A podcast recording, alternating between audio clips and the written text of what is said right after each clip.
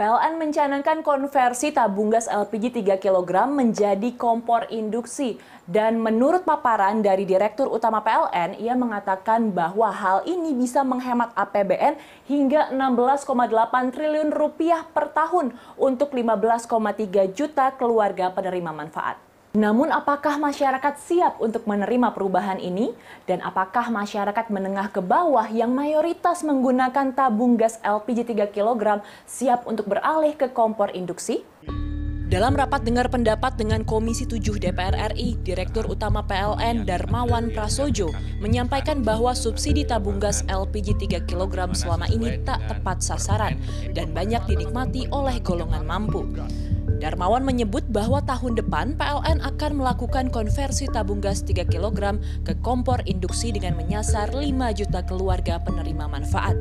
Masyarakat nanti akan bisa merasakan bahwa menggunakan kompor induksi biaya memasaknya bisa lebih hemat uh, sekitar 10 sampai 15 persen dibanding menggunakan kompor LPG.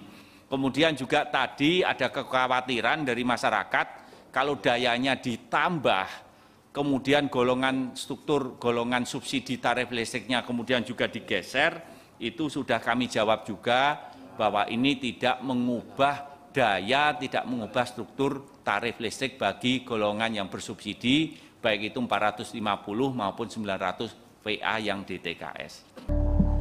Namun demikian, mengonversikan tabung gas 3 kg menjadi kompor listrik tak semudah membalikan telapak tangan. Jika tak dipikirkan dengan matang, konversi ini akan menimbulkan banyak masalah baru. Setidaknya ada tiga masalah yang ditekankan oleh Bima Yudhistira selaku pengamat ekonomi, yaitu tagihan listrik masyarakat yang membengkak, perubahan budaya, serta infrastruktur di daerah yang belum memadai. Ini harusnya dirubah juga.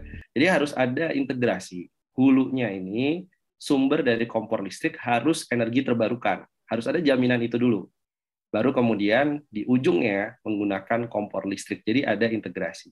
Kalau sekarang kelihatannya pembenahannya dilakukan di hilir.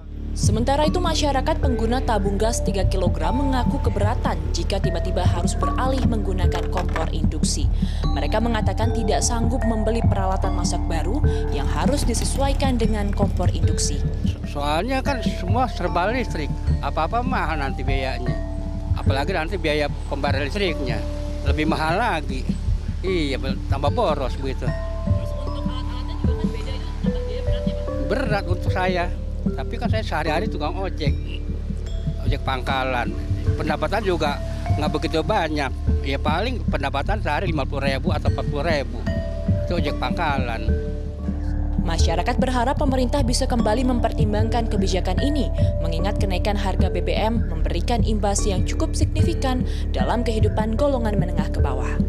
Ayu Rahmawati, Baramestro, Jakarta.